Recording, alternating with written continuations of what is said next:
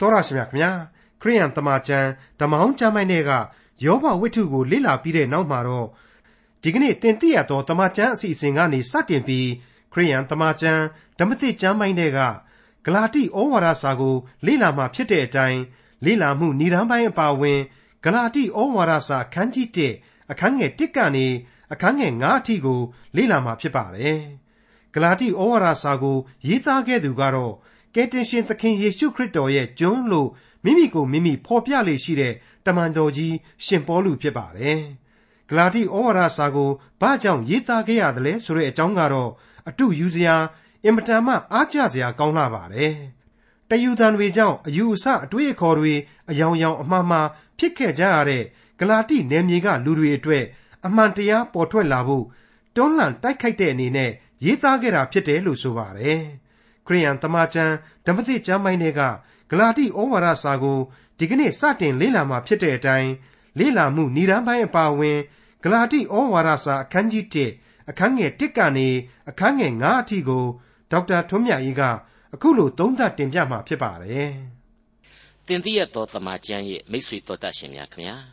ဒီကနေ့ကျွန်တော်တို့တစ်လက်ရောက်ရှိလာပြန်တာကတော့ဓမ္မသစ်ကျမ်းများတွေကဩဝါဒစာကြီးတစုဖြစ်တဲ့ဂလာတိဩဝါဒစာပဲဖြစ်ပါတယ်။ ဒီစာကိုရေးသားသူကတော့ခရစ်တော်ဤကျွန်တမန်တော်ဖြစ်သောငါပေါလုဆိုပြီးတော့သူ့ကိုယ်ကိုသူအမြဲတမ်းကိုယ့်ရဲ့ဘဝကိုခရစ်တော်ထံမှအနှံဆက်ကပ်ထားသူအမြဲတမ်းဒီလိုဆက်ကပ်အနှံရခြင်းအတွက်လေဂုံယူဝမ်းမြောက်လျက်နေသောတမန်တော်ကြီးရှင်ပေါလုကိုယ်တိုင်ပါပဲဒီစာကိုရေးသားတဲ့အချိန်ဟာခံမှန်းကြည့်အားဖြင့် AD 58ခုနှစ်ခန့်လို့ကျွန်တော်တို့ခံမှန်းပါတယ် တမန်တော်ကြီးရဲ့တတိယမြောက်သာသနာပြုခရီးစဉ်အတွင်းအေဖက်မြို့မှာနှစ်နှစ်ခန့်နေထိုင်တုန်းမှာရေးသားခဲ့တယ်လို့အများစုကယုံကြည်ကြပါတယ်အများစုဆိုတာကဓမ္မသုတေသီအများစုကိုဆိုလိုခြင်းဖြစ်ပါတယ်ဒါပေမဲ့အချို့အချို့သောသုတေသီတွေကတော့ယောမဩဝါဒစာကိုမရေးခင်ဒီဩဝါဒစာကိုရေးသားခြင်းဖြစ်တယ်တမန်တော်ကြီးဟာအချိန်ကိုလူပြီးတော့ကောရိန္သုမြို့ကနေ ဒီဩဝါဒစာကိုရေးသားလိုက်ရတာပဲဆိုပြီးတော့ယူဆတဲ့သူတွေလည်းရှိပါတယ်အထူးသဖြင့်ထင်ရှားတဲ့ဓမ္မသမိုင်းပညာရှင်ဒေါက်တာလန်စကီဆိုတဲ့ပုဂ္ဂိုလ်ကြီးကဒီဂလာတိဩဝါဒစာကိုတမန်တော်ကြီးဟာသူ့ရဲ့ဒုတိယမြောက်ခရီးစဉ်အတွင်းမှာကောရိန္သုကနေရေးခဲ့တယ်အေဒီ53ခုနှစ်လောက်မှာရေးခဲ့ခြင်းဖြစ်တယ်လို့သူခံယူတဲ့အကြောင်းကိုဖော်ပြပါတယ်ဒေါက်တာလန်စကီကနေပြီးတော့အဲ့ဒီဒုတိယခရီးစဉ်မှာဂလာတိနယ်မြေကအသင်းတော်တွေကိုရောက်တော့ ဂျူးတယူသန်တွေဟာသူနဲ့တန်တူကြောင်းကွဲလေသံတွေနဲ့သူ့လမ်းကြောင်းကိုတော့လိုက်လာကြတယ်။ဒါပေမဲ့ပုံမှားရိုက်တဲ့သဘောမျိုးသာဖြစ်ကြတယ်။အဲ့ဒီအချိန်မှာဂလာတိနယ်မြေအသင်းတော်တွေကလည်းအဲ့ဒီဂျူးတယူသန်တွေအယူသီးတဲ့သူတွေအပြောကောင်းတိုင်းရောင်ချကြရီဖြစ်လာကြတယ်။ဒါတွေကိုတမန်တော်ကြီးအနေနဲ့ပြန်လှန်တိုက်ခိုက်တဲ့အနေနဲ့ရေးသားခြင်းဖြစ်တယ်လို့ဆိုပါတယ်။အတော်ကြီးယုတ်တိရှိတယ်ခိုင်လုံတဲ့အယူအဆလို့ကျွန်တော်ဆိုချင်ပါတယ်။ ဒါပေမဲ့အတိအကျတော့လေမှန်တယ်မှားတယ်လို့ပြောလို့မရအယူအဆတစ်ခုအနေနဲ့ပဲမှတ်တမ်းတင်ရမယ်လို့ထင်ပါတယ်မိษွေတို့အဖို့လဲဘ ഹു တုတရရှိနိုင်စေဖို့အတွက်ကျွန်တော်ကဒါကိုထည့်သွင်းရခြင်းဖြစ်ပါတယ်ဘာပဲဖြစ်ဖြစ်တမန်တော်ကြီးဟာသူ့ရဲ့အာရှမိုင်နာခရီးစဉ်ဥရောပခရီးစဉ်တွေအပါအဝင်အဲ့ဒီခေတ်အဖို့ကပ္ပခရီးစဉ်လို့ဆိုနိုင်တဲ့ခရီးစဉ်ကြီး၃ချိန်တည်းမှာ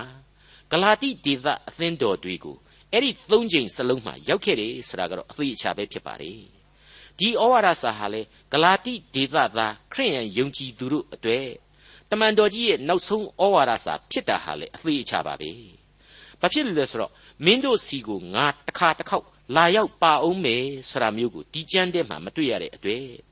အများအယူအဆဖြစ်တဲ့တတိယခရီးစဉ်မှာဂလာတိကိုရောက်ပြီးတော့မှရေးတာဖြစ်ဖို့က ပို့ပြီးတော့များတယ်အများဆုံးဖြစ်နိုင်တဲ့အကြောင်းကိုကျွန်တော်ကတင်ပြလိုက်ပါရစေဂလာတိဟူသည်ဆိုတဲ့အချက်ကိုပနာမအနေနဲ့ရှင်းရအောင်မယ်ထင်ပါလေ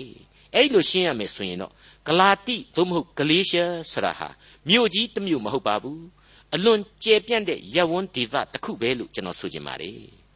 ဂလာတိနယ်မြေဟာပေါလုဒီဩဝါဒစာရေးသားနေချိန်မှာယောမရဲ့လက်အောက်ခံပြည်နယ်တစ်ခုဖြစ်ခဲ့ပါတယ်အခုခေတ် တူရကီနိုင်ငံရဲ့မြောက်ဘက်ပိုင်းကအန်ကာရာမြို့တော်ကိုဗဟိုပြုတဲ့ ရှေးဟောင်းအင်ပါယာရပ်ဝန်းဒေသကြီးတစ်ခုဖြစ်ပါတယ်ဒီတော့ဂလာတိဩဝါဒစာဟာဒီမြို့တစ်မြို့ကအသင်းတော်တစ်ခုကိုရေးတာချင်းမဟုတ်ရေးတာမဟုတ်ဘူးအဲ့ဒီအရက်ဒေသအတွင်းကအ ਨੇ ဆုံးအသင်းတော်ကြီး၃ခုလောက်နဲ့တပည့်တော်စုပေါင်းမြောက်များစွာပါဝင်တဲ့အဖွဲ့အစည်းကြီးတစ်ခုလုံးကိုရည်စူးရေးသားလိုက်ခြင်းဖြစ်တယ်လို့ကျွန်တော်တို့ရေပုံရအားဖြင့်မှတ်သားထားကြရပါလိမ့်မယ် အဲ့ဒီအရက်ဒေသတူရကီတို့ရဲ့ဘိုးဘေးမျိုးဆက်တီကိုကျွန်တော်တို့ကသမိုင်းကြောင်းအရာလိုက်ပြီးကြည့်မယ်ဆိုရင်ပြင်သစ်နိုင်ငံရဲ့ Celtic မျိုးရိုး Gauls သို့မဟုတ်ဂေါလအနွယ်ဝင်တွေဖြစ်ခဲ့ပါလေ BC ရာစု၄ခုသို့မဟုတ်ခရစ်တော်မပေါ်ခင်နှစ်400လောက်မှာအဲ့ဒီဂေါလတွေဟာယောမကိုတောင်မှအောင်နိုင်ပြီးတော့နောက်ထပ်နှစ်ပေါင်း100လောက်အကြာမှာတော့ Greece နိုင်ငံအလဲပဟိုလောက်က Delphi ဆိုတဲ့ဒေသကိုလေ သိမ်းယူခဲ့ဘူးတဲ့လူမျိုးတွေဖြစ်ကြတယ်လို့ဆိုပါတယ်တနည်းအားဖြင့်တော့ဇယိုက်အလွန်ကြမ်းနေတစ်ချိန်နဲ့မှသတ္တိလည်းရှိတယ်လျင်မြန်ဖြတ်လက်မှုတွေလည်းရှိကြတယ်လို့ဆိုပါတယ်ဒါကြောင့်မို့လို့လေတူရကီနိုင်ငံရဲ့မြောက်ဖက်ပင်လယ်နက်ဒေသမှာရှိခဲ့တဲ့ဘိုင်သင်းနီးယားမှာရှင်ဘရင်ဖြစ်ခဲ့တဲ့ပထမမြောက်နီကောမီဒီဆိုတဲ့ဘရင်ဟာသူတို့ကိုဒေသစစ်ပွဲတွေအတွင်းမှာသူ့ကိုဝင်ပြီးတော့ကုညီတိုက်ခိုက်ပေးဖို့ဖိတ်ခေါ်ခဲ့တယ်လို့ဆိုပါတယ် နီကောမီဒီစ်ရဲ့ပြည်တွင်းစစ်မှာဝင်တိုက်ဖို့နီကောမီဒီစ်ကဖိတ်ခေါ်ခဲ့ခြင်းပေါ့အဲ့ဒါနဲ့ပဲဒီလူမျိုးတွေဟာအဲ့ဒီဒေသကိုအုပ်စုလိုက်ဝင်ရောက်လာပြီးတော့နီကောမီဒီစ်ကိုကူညီပြီးတော့စစ်တိုက်ခိုက်ပေးခဲ့တယ်ပြီးတဲ့နောက်မှာတော့အဲ့ဒီဒေသတခွင်ဟာဘ ਹੁ ဥရောပဒေသဒေတဲ့ပို့ပြီးတော့သာတော့သာယာရှိတယ်လှပတယ်စိမ့်လန်းဆိုပြေတယ်ဆိုတဲ့အသိနဲ့အခြေချနေထိုင်ခဲ့ကြခြင်းပဲလို့သမိုင်းဆရာတွေကဆိုပါတယ် ဒီကနေ့တည်းထိလဲစာပေတွေထဲမှာလေ့လာရတာအရာအေဂျီယန်ပင်လယ်ကမ်းခြေဘက်ကပဲကြည့်ကြည့်မြေထဲပင်လယ်ဘက်ကပဲကြည့်ကြည့်တူရကီနိုင်ငံရဲ့အဲ့မြောက်ဖက်အရောက်ဒေသတွေဟာအလွန်အလွန်လှပနေစေပဲဖြစ်တယ်လို့လေကျွန်တော်အနေနဲ့ဖြည့်ဆွတ်တင်ပြခြင်းပါတယ် BC 189ခုနှစ်အချိန်မှာတော့အင်မတန်အင်အားကြီးထွားလာတဲ့ယောမအင်ပါယာကြီးဟာဂလာတိနယ်မြေကိုသိမ့်ပိုက်လိုက်ခြင်းအပြင်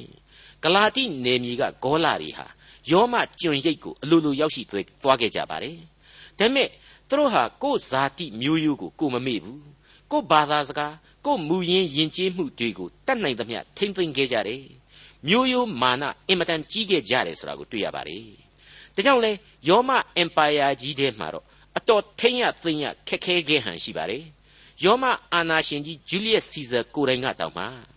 ဂေါလာဆိုတဲ့လူမျိုးတွေဟာကြမ်းကြုတ်ရက်ဆက်တယ်အကဲသိပ်ဆက်တယ် တနေ့တစ်မျိုးတနေ့တစ်မျိုးဘလောင်းပလဲအမျိုးမျိုးလဲလုတ်တတ်တယ်သူတို့ကိုအမြဲသတိထားပြီးစောင့်ကြက်ကြည့်ရှုရမယ်ဆိုပြီးတော့သူ့ရဲ့လက်အောက်ဘယင်ကန်တွေကိုပြောခဲ့တာကိုသမိုင်းကမှတ်တမ်းပြုထားတယ်လို့ဆိုပါတယ်အဲ့ဒီအထက်ကကြမ်းကြုတ်ရက်ဆက်တာတွေအကဲဆက်တဲ့စိတ်တွေစိတ်တူတတ်တယ်ဆိုတာတွေကတော့ကျွန်တော်ကသိမပြောနေကြမှာဘူးဘလောင်းပလဲလုတ်တယ်ဆိုတာနဲ့ပတ်သက်လို့ကတော့ဂလာတိဘလောင်းပလဲလုတ်တာအသာထား ဒီကနေ့ဒီကဘာမှာဘလောင်းပလဲတွေကြည့်ပဲလို့ကျွန်တော်မြင်မိပါတယ်လူသားတို့ရဲ့အထွေထွေမြင်ကွင်းတွေကိုအကဲခတ်ကြည့်လိုက်ရင်ကဘာနဲ့အဝမ်းစိတ်သက်တွေပြက်နေကြတယ်စိတ်ထားတွေမတည်ငြိမ်ကြဘူးဆိုတဲ့သဘောပေါ့အဲ့ဒါတွေကိုတင့်နေရတယ်ဆိုရင်ဘသူညင်းချက်ထုတ်နိုင်မှာလဲဘသူမှညင်းနိုင်မယ်မဟုတ်ဘူးလို့ကျွန်တော်အလေးနဲ့ဆိုချင်ပါတယ်မိတ်ဆွေအပေါင်းတို့ခမညာကျွန်တော်ကဂျူလီယက်စီဇာဘရင်ကြီးရဲ့အဲ့ဒီမှတ်ချက်ဟာတကယ်တော့စကားရှိလို့သာပြောရခြင်းဖြစ်တယ် လူမျိုးနဲ့သိမဆိုင်ဘူးလူတွေနဲ့သာဆိုင်တယ်လို့ကျွန်တော်ထင်မိပါတယ်အခုဂလာတိသားတွေဆိုပါတော့ကြမ်းကြုတ်တယ်ဆိုပြီးတော့ယောမဘယင်ကြီးကိုယ်တိုင်ကသွားပြောတယ်သူတို့ယောမကြတော့ရောဘလောက်များနူးညံ့သိမ့်မှုလို့လဲဆိုတဲ့အဖြေကိုစဉ်းစားဖို့ကျွန်တော်တို့လိုလာပါတယ်မိကွန်းထုတ်ဖို့လိုလာပါတယ်ကြမ်းကြုတ်တယ်ဆိုတဲ့လူတွေတဲ့ပို့ပြီးတော့ကြမ်းကြုတ်တဲ့နေရာမှာမညံ့ကလိန်ကြတယ်ဆိုတဲ့လူတွေတဲ့ပို့ပြီးတော့ကလိန်ကြတဲ့နေရာမှာပို့ပြီးတော့ကျွန့်ကျင်လို့ပဲဒီဂလာတိကိုယောမဟာ ပြားပြားဝတ်အောင်ဖိနှိပ်ထားနိုင်တယ်ဆိုတာကိုရေဘူးရအားဖြင့်ကျွန်တော်တို့အဖြေထုတ်လို့ရမယ်ဆိုရင်ဘယ်သူမှညင်းမယ်မဟုတ်ပါဘူးရှင်းရှင်းလေးကလေးအုပ်နှောက်နဲ့တောင်တွေးလို့ရနိုင်တဲ့အဖြေပါကျွန်တော်တို့လူသားများဟာအဲ့ဒီအတိုင်းပါပဲ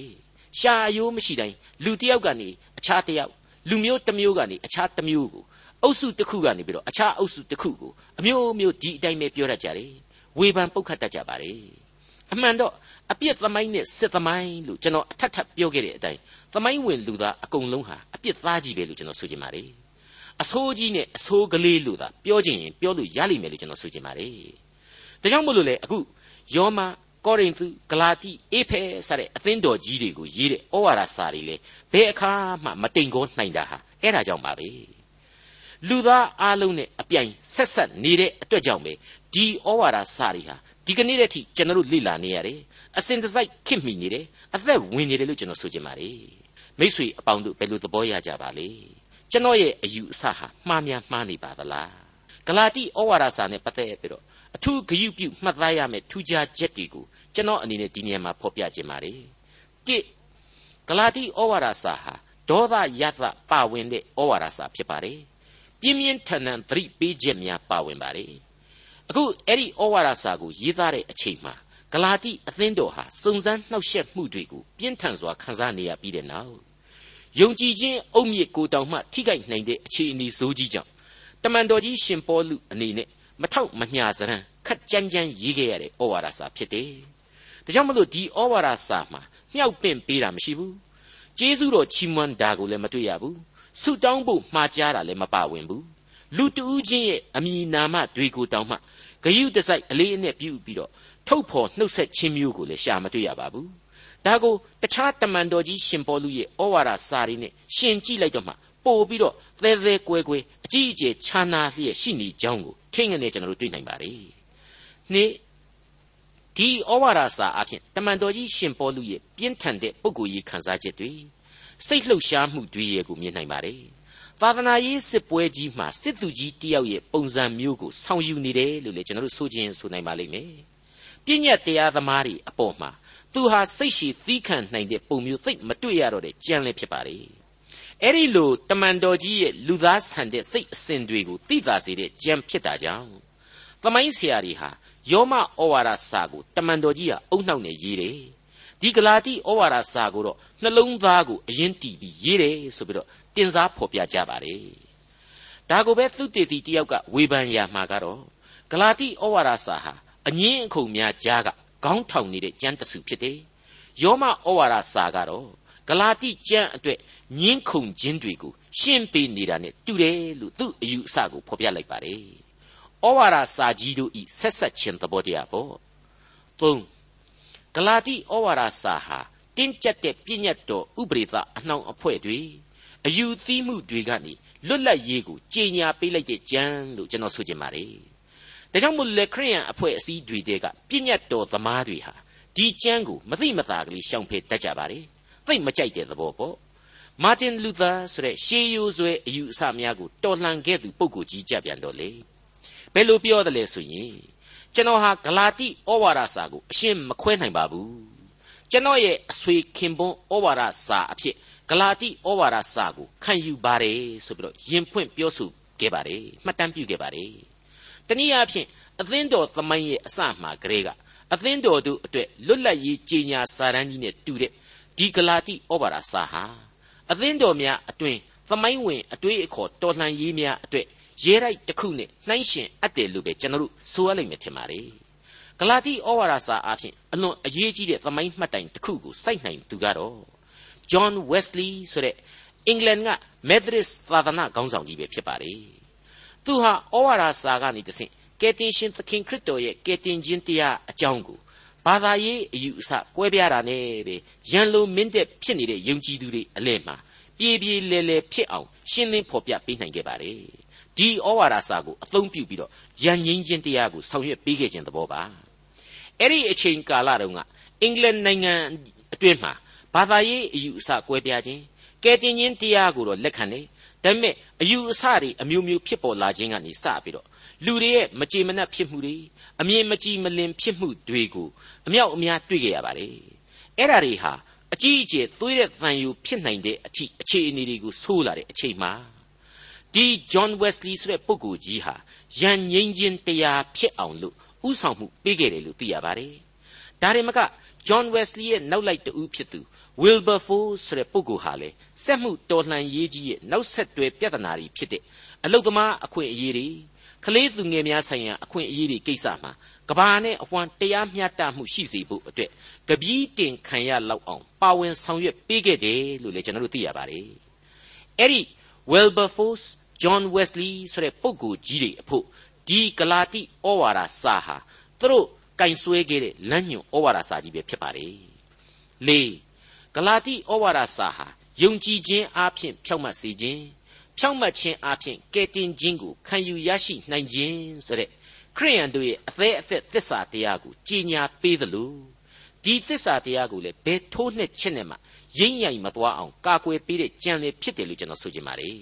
အဲ့ဒီလိုခရစ်တော်ကိုယုံကြည်ရင်ကယ်တင်ခြင်းတရားကိုခံစားရမယ်ဆိုတဲ့သစ္စာတရားဟာလေဘုရားသခင်ရဲ့ကျေးဇူးနဲ့ဂရုနာတော်ကိုဖော်ပြခြင်းဖြစ်ပါတယ် အဲ့ဒီကျေးဇူးနဲ့ဂရုနာတော်အားဖြင့်သာလျှင်ထာဝရအသက်လန်းဆိုတာဟာတည်နိုင်တယ်ဆိုတာကိုဒီဩဝါဒစာဟာအခိုင်အမာဖော်ပြသွားမှာဖြစ်ပါတယ်မိษွေတော်တတ်ရှင်အပေါင်းတို့ခမညာမိษွေတို့အတွက်ဂလာတိဩဝါဒစာဟာရှေ့မှာစောင့်နေပါပြီသူ့ရဲ့ထူးခြားချက်တွေကိုဖော်ပြမိတ်ဆက်လို့အပြီးနောက်ဆုံးဆိုခြင်းတဲ့အချက်ကတော့ဒီဩဝါဒစာအားဖြင့်အခုအချိန်ကနေနောက်ပြန်ဆုတ်ပြီးတွက်ဆမယ်ဆိုရင်အတိတ်ကာလနှစ်ပေါင်း 1900 2000ကစခဲ့တဲ့အသင်းတော်သမိုင်းရှည်ကြီးအတွင်းကိုပြန်လဲစဉ်းစားသတိရကြပါအဲ့ဒီကာလရှည်ကြီးအတွင်းမှာဖြစ်ပေါ်ခဲ့တဲ့အချိန်ချင်းသောဝိညာဉ်ရေးနိုးကြမှုလို့ပြောနိုင်တဲ့ revivals တွေအပြောင်းအလဲတွေအားလုံးအားလုံးအဖို့ဒီဩဝါဒစာကြီးဟာရှေ့ဆောင်ကျမ်းအဖြစ်ထွန်းတောက်ခဲ့ပြီးပြီလို့ကျွန်တော်အလေးနဲ့ယုံကြည်ပါတယ်အဲ့ဒီအတိုင်းပါပဲအနာဂတ်သမိုင်းအတွက်လေဝိညာဉ်ရေးအသက်တဖန်နိုးကြမှုတွေဟာလေ ဒီကျမ်းရဲ့လမ်းညွှန်မှုများအပြင်လူသားတို့ရဲ့နှလုံးသားမှာအဆက်ဆက်ဖြစ်ပေါ်ဥမှပဲလို့ကျွန်တော်ခံယူပါတယ်။တန်ရှင်းသောဝိညာဉ်တော်ရဲ့အကျွမ်းမဲ့သောဥဆောင်မှုကိုခံယူလိုသူယုံကြည်သူတိုင်းအဖို့ခရစ်တော်၏နာမတော်အဖြစ်အမှန်တကယ်အသစ်တဖန်ပြုပြင်ပြောင်းလဲခြင်းများအားလုံးကိုလက်ခံနိုင်ကြရမှာဖြစ်ပါတယ်။ခရစ်တော်၏နာမတော်မှာတည်တယ်။တန်ရှင်းသောဝိညာဉ်တော်အဖြစ်နိုးကြခြင်းဖြစ်တယ်။သက်ဝင်လှုပ်ရှားခြင်းဖြစ်တယ်။ဒါဆိုရင် ရှိလေသမျှသောအပြောင်းအလဲမှန်သ၍အသက်လန်းသူဟူသောဥတီချက်ဘယ်ခါမှပျောက်ပြစ်မှာမဟုတ်ဘူးယုံကြည်ခြင်းအပြင်တည်နေသောသာဝရအသက်တရဖူစီကိုသာဥတီနေသောအပြောင်းအလဲဖြစ်နေမှာအသေးချာပဲလို့ကျွန်တော်တင်ပြလိုက်ပါရစေမိษွေတော်တတ်ရှင်အပေါင်းတို့ခမညာအခုအချိန်မှာဂလာတိဩဝါဒစာအခန်းကြီး1ကိုကျွန်တော်တို့စတင်လေ့လာသွားကြပါမယ်အခန်းကြီး1ကိုလေ့လာရမှာကျွန်တော်အနေနဲ့ပုံမလွယ်ကူစွာလေ့လာနိုင်ဖို့အတွက် အချို့သောအခြေခံအကြောင်းတရားများကိုအနည်းငယ်ရှင်းလင်းခွင့်ပြုပါဂလာတိဩဝါဒစာဟာပြည့်ညတ်တော်ဥပရိသများတွေနဲ့တကွာအယူသီးသူတို့စွဲကင်တတ်တဲ့တင်းကျပ်သောဓမ္မဟောင်းကာလကျင့်စဉ်သို့မဟုတ်ခင်းနောက်ပြန်ဆွဲအစွဲအလံအယူသီးမှုတွေကနေပြီးတော့လွတ်လပ်ရေးကိုကြီးညာပေးခဲ့တဲ့ကျမ်းလို့ကျွန်တော်ဆိုခဲ့ပြီးပါပြီအဲ့တော့ဒီကျမ်းဟာပြည့်ညတ်တော်များဥပရိသများကိုအသရေရုပ်လျော့အောင် နှုံချအောင်ဥပက္ခပြုတ်တယ်လို့လှုပ်သလားလို့မေးเสียရှိပါတယ်မမေးကြပါနဲ့လုံးဝဒီဂလာတိကျမ်းကြီးဟာဓမ္မဟောင်းကျမ်းတွေကိုအသရေရုပ်လျော်အောင်နစ်နာအောင်ဥပက္ခပြုတ်အောင်ပြုလုပ်ခြင်းမရှိပါဘူးဒီကျမ်းဟာပြည့်ညတ်တော်အပေါင်းတို့ရဲ့တရကိုသဘောအရာပြောเสียမရှိတဲ့ကြွယ်ဝပြည့်စုံမှုထဲဝါမှုပြည့်ညတ်တော်အပေါင်းတို့ရဲ့ဥတီရည်ရွယ်ချက်တို့ကိုသေသေးချာချာထိမ့်ချုပ်ဖော်ပြထားခြင်းဖြစ်ပါတယ်တစ်ချိန်တည်းမှာပဲ အဲ့ဒီလိုပြည့်ညတ်တော်ဥပရိသတွေရဲ့ကောင်းမွန်တဲ့အနှစ်သာရတွေဟာအပြစ်လူသားတို့အနေနဲ့မှီအောင်မလိုက်နိုင်ဘူးမှီအောင်လိုက်မှသာကယ်တင်ခြင်းကိုခံယူရခြင်းဆိုရင်ဘယ်လူလောကသားမှဘုရားသခင်စီကိုမရောက်ငရဲမှသာဆုံးရှုံးပျောက်ပြက်ပျက်စီးသွားရမှာကြီးဖြစ်တယ်ဒါကြောင့်မလို့လမ်းစဉ်သစ်တစ်ခုကိုဘုရားသခင်ဟာဖော်ပြတယ်အဲ့ဒါဟာကယ်တင်ရှင်သခင်ခရစ်တော်ကိုယုံကြည်ခြင်းအပြင်ဖြောင့်မတ်ခြင်းအခွင့်ကိုရယူ ထာဝရအသက်တရဖူကိုရယူစေဆိုတဲ့လမ်းစဉ်ပဲဖြစ်တယ်ဆိုတဲ့အသက်သောလမ်းစဉ်ပဲဖြစ်ပါတယ်ဒီတော့ယုံကြည်ခြင်းတရားအဖြစ်ထာဝရအသက်ကိုရယူနိုင်ခြင်းသစ္စာတရားကိုနောက်ထပ်ဖြည့်ဆွက်ပြီးတော့ပြုပြင်ပြောင်းလဲခြင်းများကိုဂလာတိဩဝါဒစာအဖြစ်ရှင်ပေါလုဟာပြင်းပြင်းထန်ထန်ခုခံကာကွယ်သွားပါလိမ့်မယ်အပြစ်တင်ရှုံချသွားလိမ့်မယ်လို့လည်းကျွန်တော်တို့မှတ်ယူကြရပါလိမ့်မယ်ဟုတ်ပါတယ် ဂလာတိဩဝါဒစာဟာအဲ့ဒီလိုပြင်းထန်တဲ့သတိပေးမှုတွေကိုပြုလုပ်ခဲ့တယ်လို့ကျွန်တော်လေ့လာပြီးစီးခဲ့ပြီးဖြစ်တဲ့ယောမဩဝါဒစာမှာကြတော့မောရှေခေပြည့်ညတ်တော်ဥပရိသတွေနဲ့ကွာဝေးနေတဲ့လူအဖွဲ့အစည်းဟာခရစ်တော်ကိုယုံကြည်ခြင်းအပြင်ဖြောင့်မတ်ခြင်းအခွင့်ကိုရကြရမယ်ဆိုတဲ့အခြေခံသစ္စာတရားကိုဖော်ပြသွားခဲ့ပါတယ်။တနည်းဆိုရရင်တော့ဒီဩဝါဒစာကြီးနှစ်ဆောင်ဟာမရှိမနှောက်မှရေးခဲ့တဲ့ဩဝါဒစာကြီးဖြစ်တယ်။ယောမဩဝါဒစာအပြင် လမ်းစဉ်သစ်ကိုပြေပြေလဲလဲရှင်းပြထားတယ်။ဂလာတိဩဝါဒစာအဖြစ်လမ်းစဉ်သစ်ကိုတင်းတင်းမာမာကာကွယ်ထားတယ်လို့ဆိုကြပါလေ။အဲ့ဒီအတိုင်းပါပဲဟဟေပြဲဩဝါဒစာဆိုတဲ့ဩဝါဒစာကြီးကြရင်တော့အသက်ရှင်ခြင်းဆိုတာကိုကြဲကြဲပြန့်ပြန့်ဖော်ပြထားတာကိုကျွန်တော်တို့တွေ့ရတော့ယောမဂလာတိဟေပြဲဩဝါဒစာ၃ခုတို့ဟာဓမ္မဟောင်းကာလကဟက်ဘက်ကုတ်အနာဂတ်ကျမ်းအခန်းကြီး2 အငယ်၄မှာဖော်ပြထားတဲ့အနာဂတ်စကားကိုစုံလင်သက်ဝင်အောင်တညီတညွတ်တီထောက်ခံပေးလိုက်တယ်လို့ကျွန်တော်တို့အဖြေထုတ်ယူလို့ရနိုင်ပါလိမ့်မယ်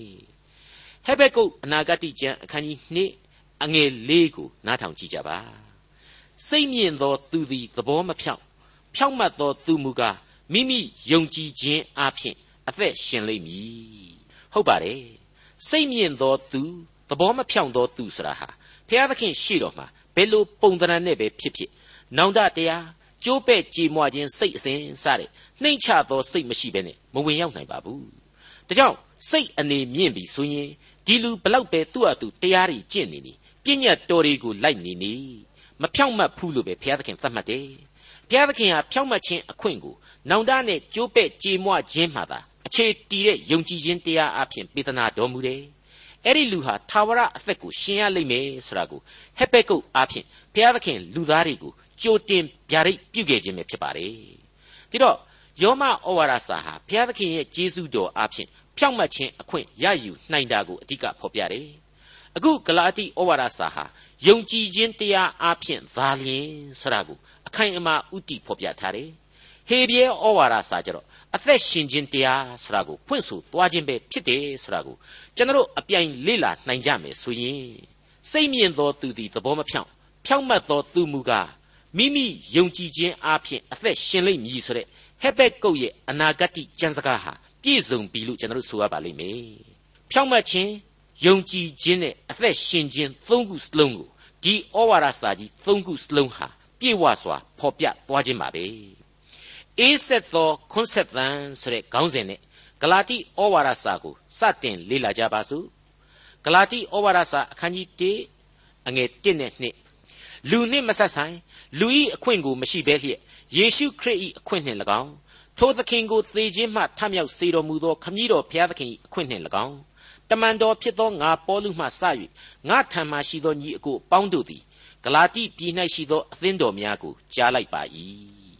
စကြတဲ့ကအေးဆက်သောခွန်းဆက်သံလို့ကျွန်တော်ခေါင်းစဉ်ပေးခဲ့တယ်တကယ်ပါပဲ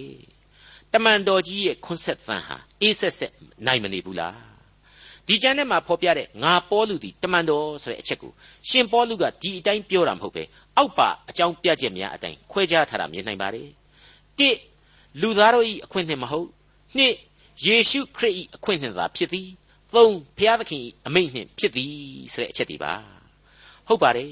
တမန်တော်ဝတ္ထုထဲမှာဆိုရင်သေသွားခဲ့တဲ့ယူဒရှကာယုတ်အစာမတ်သီဆိုတဲ့ပုဂ္ဂိုလ်ကိုရှင်ပေတရုကရွေးချယ်တင်မြှောက်တယ်။ဒါပေမဲ့အဲ့ဒီအချိန်မှာတန်ရှင်းသောဝိညာဉ်တော်မပါဝင်ခဲ့ဘူး။ရှင်ပေတရုတယောက်သူ့ဟာသူသူ့အကျင့်သူ့ဝသီအတိုင်းအတင်းဆုံးဖြတ်တာဖြစ်တယ်။ဒါကြောင့်လဲနှုတ်ကပတ်တော်မှာမတ်သီကိုလူတယောက်ကသူ့စိတ်နဲ့သူအဆိုပြုတ်ပြီးရွေးတာသာဖြစ်တယ်။ဒါကိုအတီမပြုတ်ခဲ့တယ်လို့ သူ့ကိုဘုရားသခင်ကအသုံးပြုတာဆိုလို့လေနှုတ်ကပတ်တော်အတွင်ဘယ်နေရာမှမတွေ့ခဲ့ရဘူးဆိုတာကိုကျွန်တော်ပြောခဲ့ပြီးပါပြီ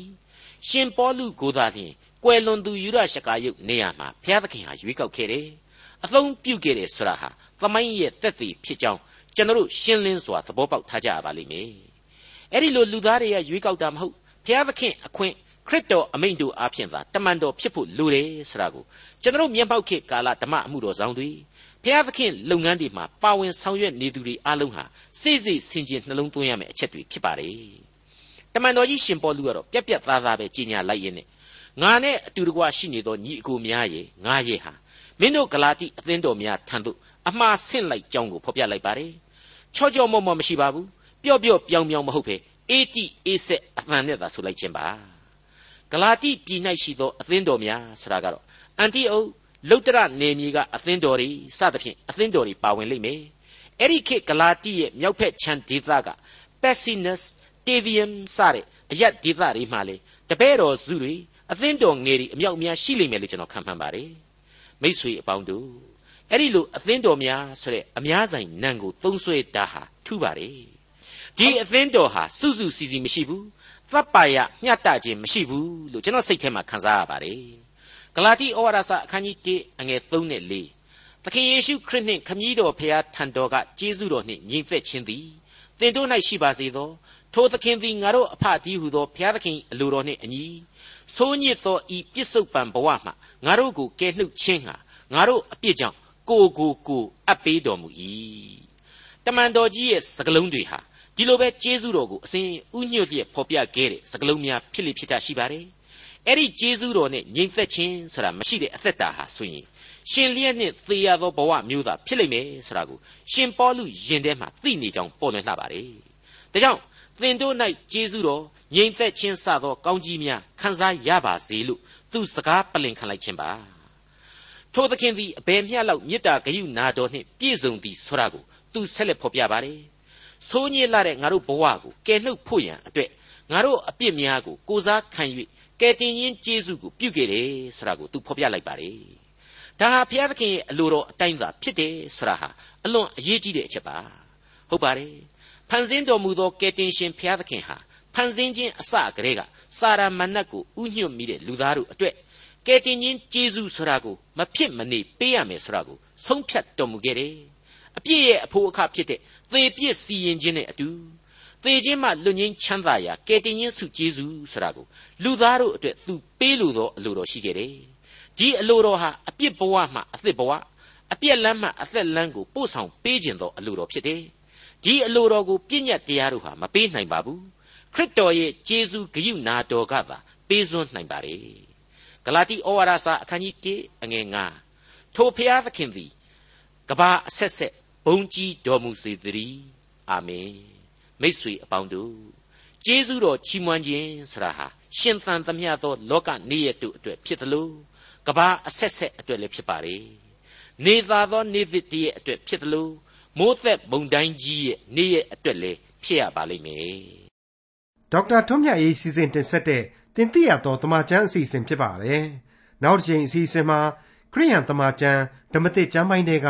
ဂလာတိဩဝါဒစာအခန်းကြီး1အခန်းငယ်6ကနေ အခန်းငယ်10အထိကိုလေ့လာမှာဖြစ်တဲ့အတွက်စောင့်မျှော်နားဆင်နိုင်ပါတယ်။